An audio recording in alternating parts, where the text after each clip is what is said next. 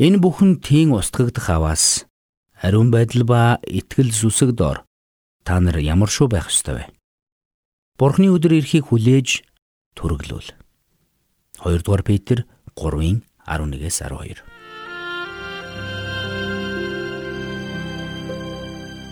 Мэргэний сонсог, мэдлэгийн тэлэг. Ухаалх нь мэрэгэн өдөр төмжийг мөн авах. Доктор Харалт цаалогийн мэрэгэн зөвлөмж нэвтрүүлэг.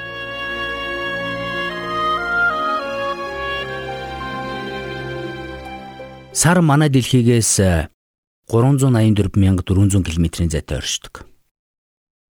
Гал болон хийгээр дүрлзэж байдаг нарнаас ялгаатай сар бол хүйтэн бас харанхуй. Гэвч сар шөнийн тэнгэрийг гэрэлтүүлэн үзэсгэлэнтэйгээр харагдаж чаддаг.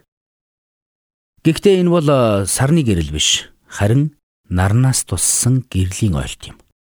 Тэгвэл Христэд итгэх итгэлээр Бурхны хүүхдүүд болсон бид ч бас Бурхан эцгийнхээ зан чанарыг амьдралаасаа тусхан харуулдаг байх учиртай. Ингэхдээ Христэд итгэгчид бид амьдралаараа Бурханы гэрчлэн харуулж байгаа нь зүгээр нэг толон туссан амьгуу тусгалтай адил биш юм.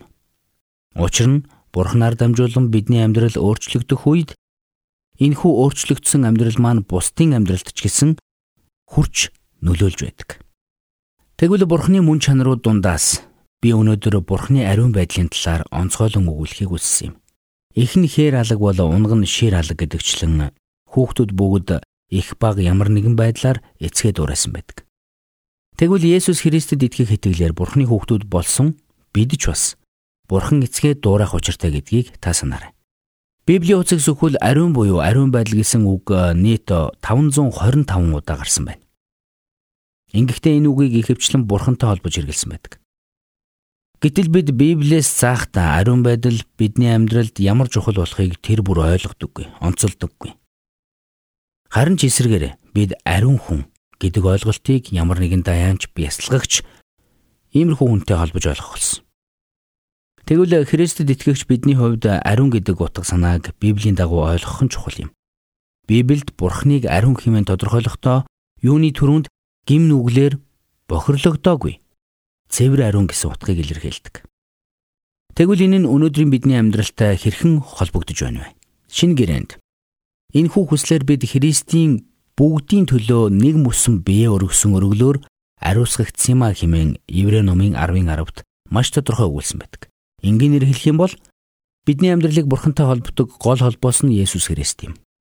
Тэр бидний амьдралд хүрэх үед бид аажмаар Бурхан эцэгтэй адил болон өөрчлөгдөж эхэлдэг. Үүний хажуугаар бид Бурхны эсрэг бүхнээс өөрсдийгөө айжмаар тусгаарлаж эхэлдэг.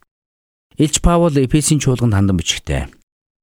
Үнэний зөвхт байдал ба ариун чанар дор Бурхны дагуу бүтээгдсэн шинэ хүнийг өмс гэсэн байдаг. Мөн тэрээр өөрсдийгөө мах бодийн ба сүнсний бүхэл бохроос цэвэрлэе. Ингэхдээ Бурханаас имэж ариун чанарыг төгс болгоё хэмээн итгэгчдийг уриалсан байдаг. Хэрвээ ариун байдал гэж юу болохыг та мэдэхгүй байгаа бол Есүс Христийн амьдралыг хараарай. Мөн түүнийг амьдралдаа хүлээн авч түүнийг даган амьдраарай.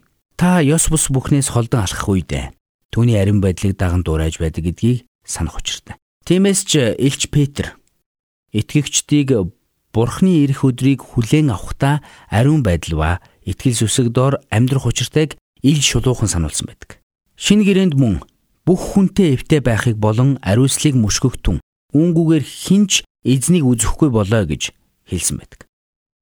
Тиймээс ч Библиэд бичигдсэн энэ бүх сургаалыг санахдаа өнөөгийн нийгэмд газар аваад байгаа аз жаргалыг ариун байдлаас, зугаа цэнгэлийг үүрэг хариуцлагаас, инээдгөөрийг зөвхт байдлаас илүүд үзэх үзлээс зайлсхийж Бурхны өмнө ариун амьдралаар амьдрахыг хичээгээрэй.